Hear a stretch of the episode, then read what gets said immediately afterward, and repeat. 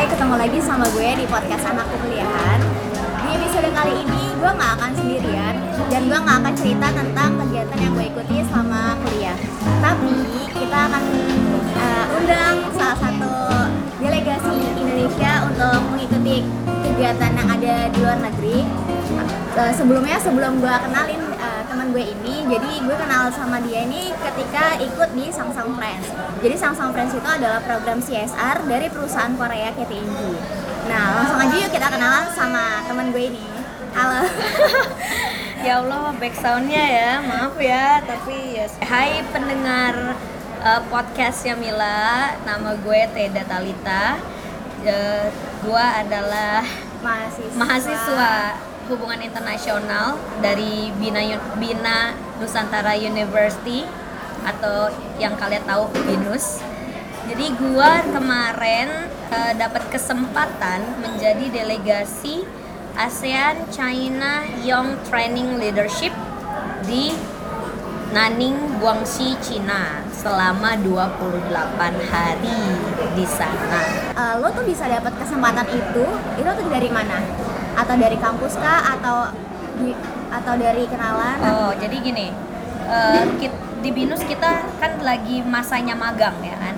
Kayak gua kemarin magang di Kementerian Perhubungan, temen gua magang di Kemenpora, ada lagi yang di kementerian lain. Nah, jadi temen gua yang magang di Kemenpora itu eh, share selalu share eh, activity kayak oh lo mau keluar negeri atau enggak, lo mau pertukaran pelajar atau enggak gue gue tertarik dengan yang uh, ASEAN Training Young Leadership ini.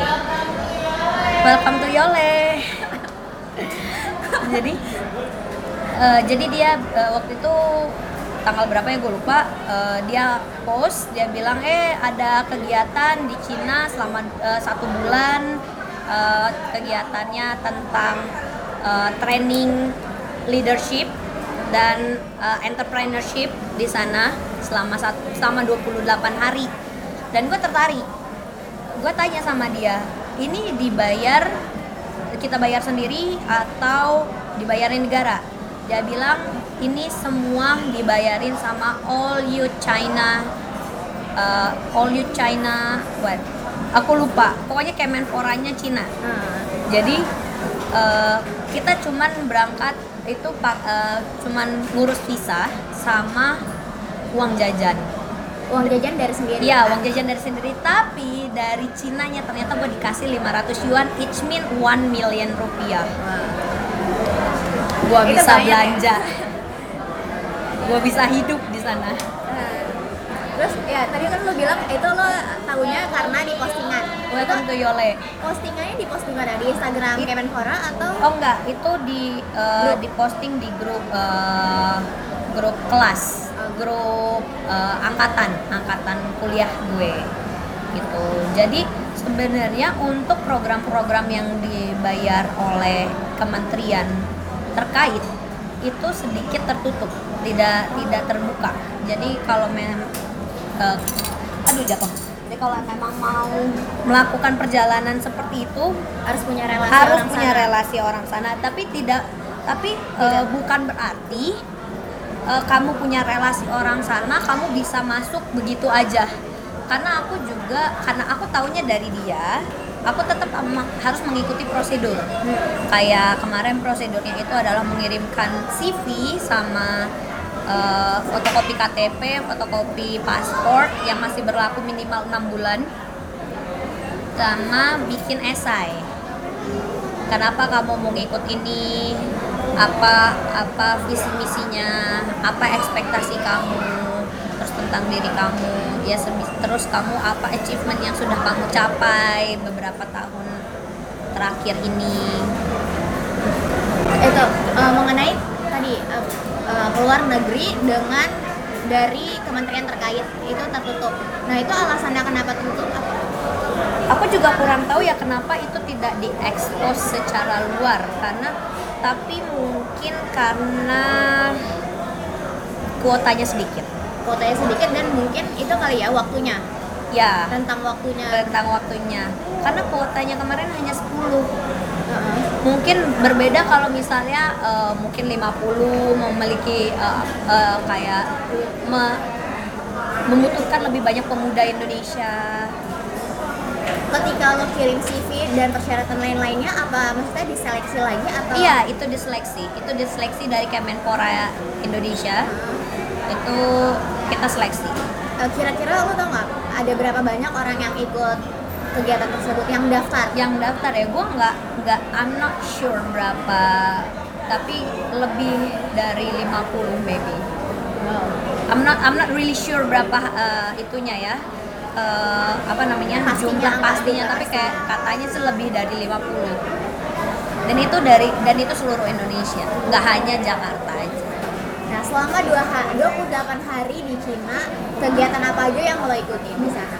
oh jadi ini sebenarnya sebelum yang gue cerita itu gue punya pengalaman menarik sangat menarik. Gue ke Cina pakai uh, salah satu maskapai maskapai Cina kita delay selama dua hari Wah, bisa? Ya, jadi kita miss acara opening seremoninya. So sad, right? So sad. Jadi kita berangkat eh, acara itu tanggal 6. Eh, tanggal 6 atau tanggal 7 ya? Aku lupa. Tanggal 7 kayaknya. Kita berangkat tanggal 6. Tanggal 6 atau 5 ya? Lupa, aku lupa. Pokoknya tanggal antara tanggal 5 sama tanggal 6 itu jam 1.20 pesawat aku harusnya berangkat tapi pesawat aku itu rusak. Jadi thanks God pilotnya tuh ngerti nggak diterbangin. Ah, bayangkan kalau lu harus terbang dengan pesawat yang rusak kayak oh no gitu. Uh, and then kita harus nunggu sampai jam 22.30 untuk Masih nunggu- hari itu juga ya? ya masih hari tanggal kayak tanggal 6 kayaknya. Masih di tanggal 6 22.30 kita terbang baru jam 11 tapi kita dikasih kompensasi segala macam ya karena itu kan bukan kesalahan kita.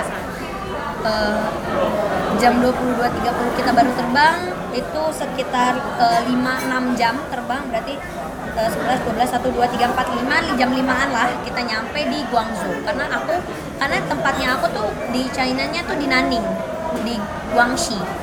Nah dari Guang kita nggak punya Indonesia nggak punya direct flight ke Nanning. Jadi kita harus Pakai transportasi transit transit dulu tetap pakai pesawat transit dulu di Guangzhou selama 7 jam.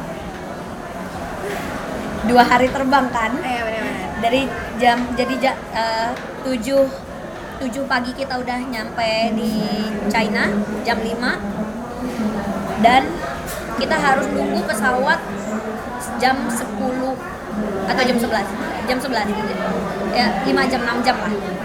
Jam 11 2 jam flight ke Nanning jam 12 nyampe itu rasanya tuh udah thanks God banget yang akhirnya gua nyampe setelah dua hari terbang. Itu delay terparah yang pernah gue alamin Nah, terus eh, mau balik mundur dulu sedikit.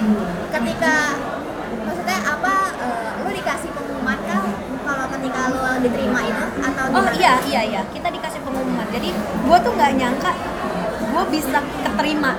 Apa kriteria yang membuat gue keterima gue juga nggak tahu sampai sekarang. Gue bingung parah waktu itu kayak eh, dapat eh, line eh line apa email dari Kemenpora kayak selamat anda terpilih menjadi 10 delegasi eh, Indonesia yang dikirimkan oleh Kemenpora ke Cina. Like my name is Teda Talita Firlias like what the heck bener-bener seneng banget sih Ya, setelah itu ada briefing nggak? ada, Ada. pasti ada. Kita ketemu dua ha tiga hari sebelum flight. Eh, no no no no no. Oh ya, tiga hari sebelum flight. Tiga hari sebelum flight. Ya. Terus ketika lo udah sampai di Guangxi, itu lo langsung eh, ngikutin countdownnya atau Oh iya, dulu? tidak ada. Oh, langsung. Jadi gue nyampe jam 12 Oh dan anyway itu pas puasa ya Ah. Itu pas udah mulai puasa Kita udah mulai puasa gue inget banget? Hari, Hari hari pertama Hari pertama gue ya, flight. Iya, hari pertama gua flight nyampe Guangxi hari kedua. Nah, itu nggak gua nggak puasa karena ya gua masih bertanggapan gua musafir. Iya, iya. Eh, gue nyampe sana jam 12, gue istirahat, mandi, makan, sholat Terus gue jam 3 gue ikut kelas bahasa Mandarin Oh, ya, maksudnya itu supaya bisa menyeimbangkan sa- sama Iya. mereka. Tapi ya apakah efektif? Maksudnya lo dikasih bahasa Mandarin dalam waktu No, cepat? itu bahasa Mandarinnya cuma Iya. untuk daily daily use. Kayak lo misalnya lo mau belanja kayak tau tau eh, to to xiaoma kayak it's like that kayak how much is it and then toilet di mana i er sanse Oh, berarti just itu kayak sangat- membantu kalau lu mau belanja ya doang nggak nol banget lah ya. iya at least lu bisa bisa pesen makan lah tapi lu nggak belajar yang kan kalau kalau kita belajar bahasa kalau belajar Dari bahasa Mandarin kan kan. kita belajar dari hurufnya apa segala macam enggak kita cuma pas lo belajar sana langsung dari pengucapannya. Iya, itu cuma pengucapannya. Oh, gimana caranya eh, how to eh, how to say greeting, greeting ke orang kayak ni hao, terus good morning, good afternoon, good night or something. Udah cuma itu aja. Just just daily use aja sih. Kegiatan di hari pertama di sana ngapain tuh? Kalau kemarin, eh karena paginya gue nggak ikut ya, gue kan cuman karena gue missnya tuh paginya doang, yang opening ceremoninya doang. Dan itu nggak apa-apa? Nah, itu sebenarnya nggak apa-apa, cuman ya sedih aja gue nggak ada foto di situ, ada itu aja. Sama nggak ada gift exchange kan udah. Eh, hari pertama itu ya tadi. Hari- apa tadi gue bilang? Oh, eh, daily use, Ca- eh, China, belajar Chinese bahasa dia belajar Mandarin. bahasa Mandarin untuk daily use. Malamnya plan meeting ya, gue lupa. Kayaknya sih malamnya itu gue ngapain ya malamnya ya? Gue lupa. Kebanyakan agenda. Iya, kebanyakan Karena agenda. Oh, ice breaking kalau gua nggak salah ingat. Uh-huh. Iya, ice breaking. Jadi ice breaking tuh untuk ya bonding aja sih sesama sama uh, sama apa namanya sama sama delegasi. Dan gue disuruh nari poco-poco. Terima kasih untuk delegasi Malaysia yang namanya Siva. Thank you so much. Lo yang dihukum, gue yang nari poco-poco. Thank you. Kok bisa? Atau semuanya? Semua delegasi? Eh, dia itu bilang oke gue mau dihukum tapi gue mau Ngajak teman. eh, ngajak teman gitu kan gue mau delegasi Indonesia dan dia point at point at me nunjuk terus gue kayak siapa gue oh gue ayo tidak aku tahu kamu bisa poco-poco like gue yang dihukum gue yang poco-poco oke ya kayak gitu sih jadi yang Dan berdua doang? Oh enggak, itu banyakan karena eh, dia nunjuk semua orang. Jadi Semua tapi aku yang tapi aku yang Eh, Dari Indonesia lo Iya. yang kepilih? Iya, dari Indonesia tapi ada juga yang ikutan lagi ya udahlah ya.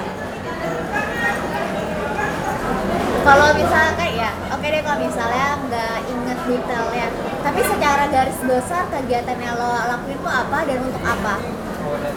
Gue gue cuman memindahkan mata kuliah gue ke sana. Intinya gue kuliah di sana. Oh gitu?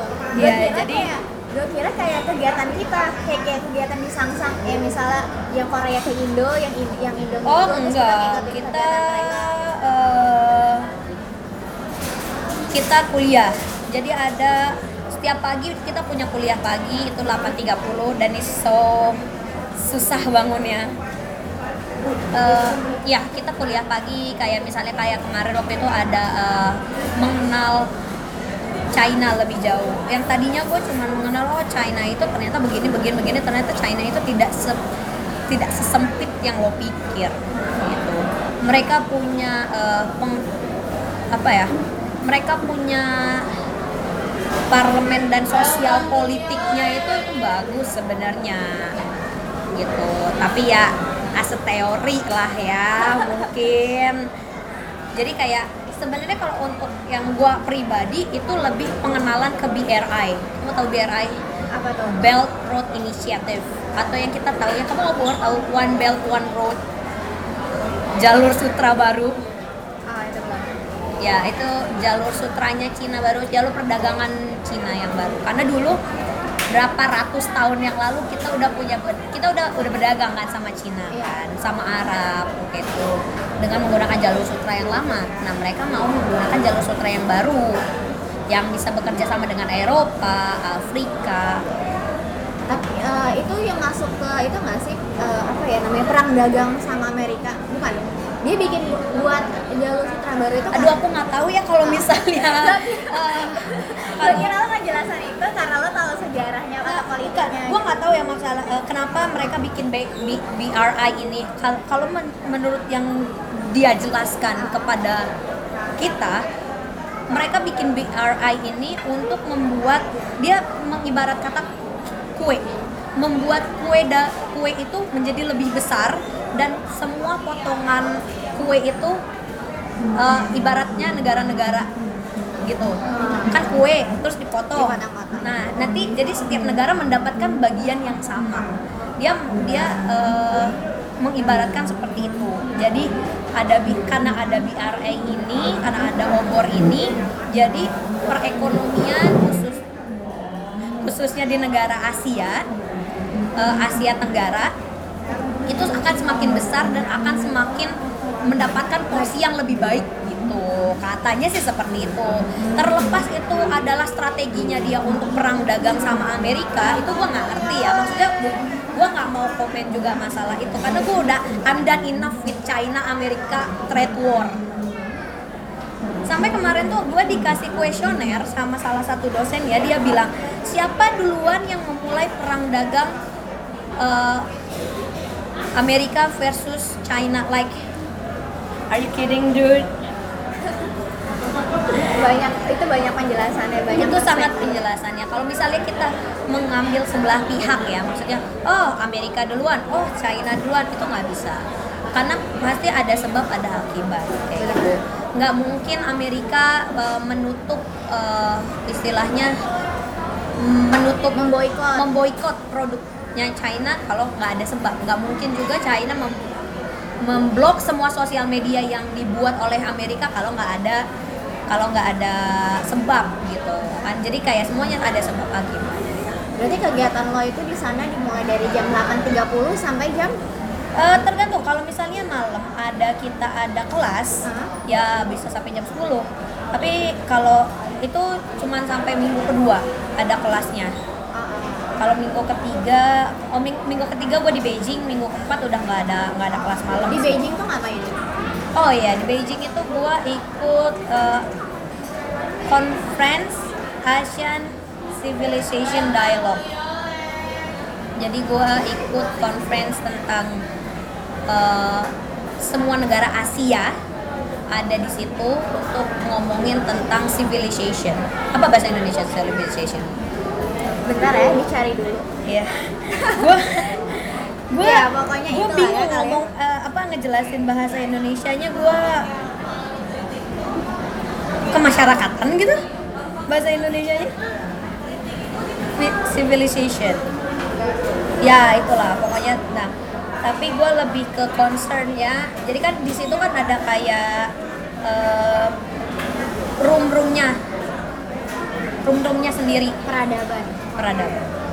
Peradaban Asia berada ya jadi kan emang di situ kan ada kayak room-roomnya gitu. Aku kemarin itu yang oh jadi nggak semua delegasi Indonesia mengikuti kegiatan yang sama oh bukan di bukan bukan gimana? bukan. Jadi eh, ada ada ada porsinya masing-masing. Oh. oh ada yang emang khusus high level ada yang untuk umum ada yang untuk eh, delegasi something or something. Berarti itu sudah ditentukan dari pihak sananya? Iya, karena mendapatkan aksesnya itu uh, gila susah setengah mati. ketika lo diposisikan eh, di room yang berbeda maksudnya Enggak, apa kita- mereka mengkonfirmasi eh, lo Kita tuh satu, kita kan karena kita kan eh, programnya kan as eh, Asian eh, Youth Training Leadership Program yang sudah emang di range oleh ASEAN Sekretariat kan. Nah itu emang kita langsung satu rombongan oh dikempakan di room ini semuanya. Kita ngomongin tentang warisan budaya yang yang kita punya. Itu jadi di situ memang sebenarnya tertampar sekali sih aku di situ. Eh, ada yang ada siapa yang siapa yang bilang ya itunya Malaysia gitu kalau nggak salah budayanya kita itu memang sudah sedikit terkikis budaya Indonesia nggak hanya budaya Indonesia semua Semua. negara As- eh, Asia ya itu sudah mulai terkikis dengan adanya budaya asing yang masuk mereka tidak bilang budaya mana saja tapi budaya asing ya berarti yang selain masuk. dari budaya itu sendiri Iya, selain budaya itu sendiri. Bahkan eh, pemuda-pemuda di negaranya sendiri ada itu mereka lebih mengetahui budaya luar dibandingkan budaya sendiri. Miris dong, ya kan? Aku juga kayak yang, duh miris Bener juga, juga ya, ya." aku bener juga ya. Coba aku tanya, berapa banyak orang yang bisa nari Bali? Nggak banyak Gak banyak jangan kan? nari Bali maksudnya yang daerah sendiri deh Ya Nari yang daerah sendiri kayak aku Jawa, Jawa Barat. Siapa yang bisa nari jaipong? Aku aja nggak bisa nari jaipong gitu. I mean like kamu nggak usah bisa nari jaipong, tapi gimana caranya kamu membantu mereka untuk memperkenalkan, mengembangkan budayanya kita. Karena itu warisan budaya. Benar-benar warisan budaya. Siapa lagi yang bisa menjaga warisan budaya kita selain kita sendiri, si anak mudanya ini. Nah itulah kenapa mereka itu membuat eh, apa namanya Konferensi. konferensi seperti itu.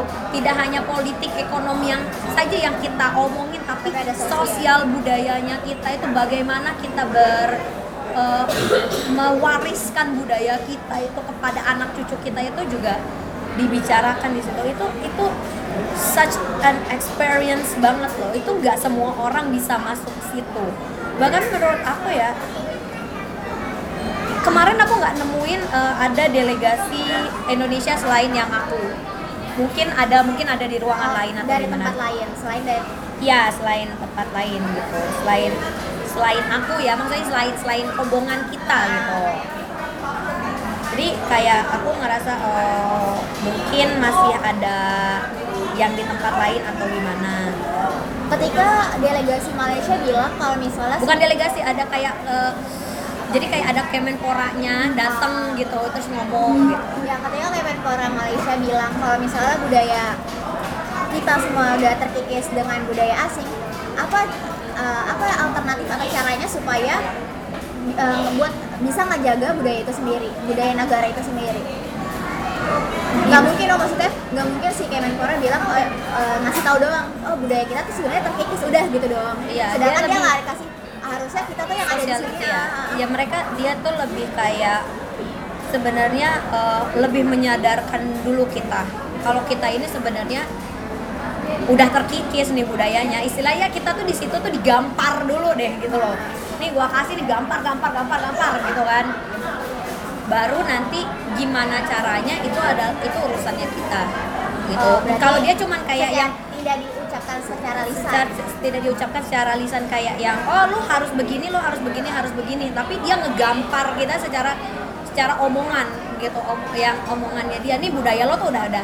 Udah gini termasuk di negara itu sendiri. Mau gimana caranya untuk melestarikan budaya? Ya itu terserah lo gimana. Heeh, tapi gimana caranya? Lu tuh emang dia menyadarkan kita warisan budaya itu adalah hal yang terpenting. Gitu. Kita balik lagi ya ke kegiatan acaranya ketiga daripada isinya. Nah kalau selama 28 hari itu apa yang apa hal yang membuat lo jadi kayak oke gue belajar nih dari hal ini gitu eh ada satu yang gue sangat amat tertarik itu gimana caranya pemerintah Cina mengurangi poverty ngurangin kemiskinan di Cinanya sendiri kalau di Indonesia kita compare lah sama negara kita sendiri ya gimana caranya? Iya deh. Gimana gimana caranya pemerintah Indonesia tuh mengurangi kemiskinan? Kalau gua, gua pribadi, gua masih ngelihatnya mereka masih disuapin. Dikasih BPJS. Oh itu mah ya emang udah udah wajib ya dikasih BPJS segala macem untuk yang pendidikan, kesehatan itu udah eh, tempat Itu tinggal udah itu udah itu, subsidi. itu, itu, itu, itu udah harus. Tapi gimana caranya mereka nggak miskin lagi?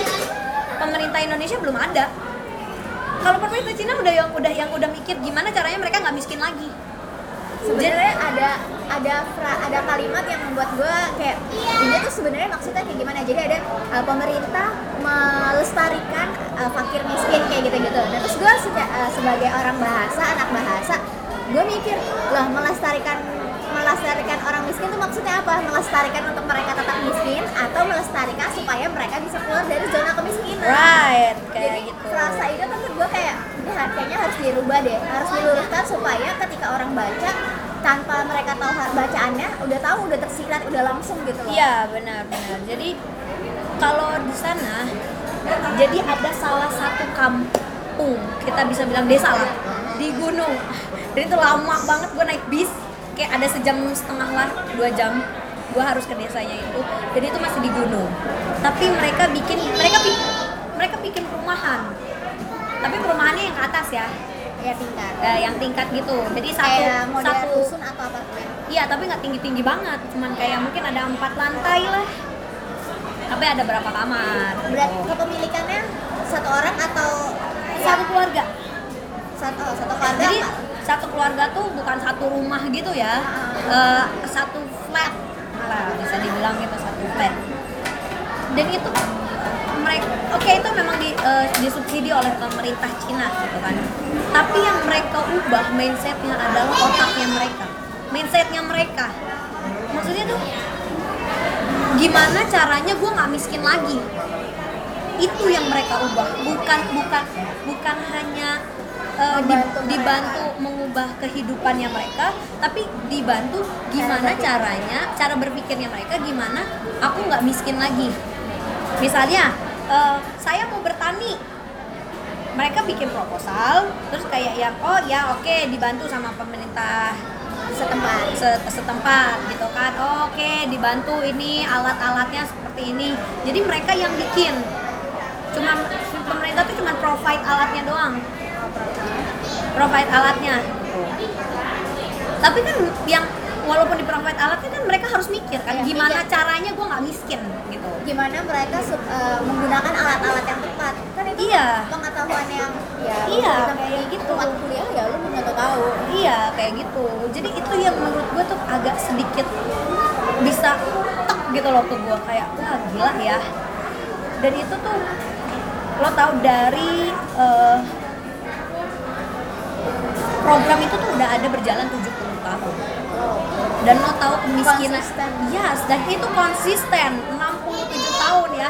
Ter terlepas siapa presidennya tapi mereka tetap konsisten. Mereka program itu tetap ada tetap program itu tetap ada gitu tetap eksis dan tetap dijalankan dengan baik gitu kan terlepas siapa rezimnya siapa rezimnya siapa gitu ya itu bagus banget yang gua baca ya kemiskinan di Cina itu cuma 1,3 persen. Dari penduduknya padahal mereka Cina itu masuk termasuk berapa?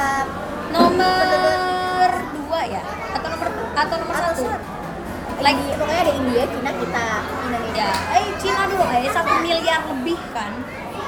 Kayak gitu. Dia bisa mengurangi sangat amat banyak kemiskinannya itu berarti hebat banget ya. Ya bukan berarti tidak ada orang miskin di sana ya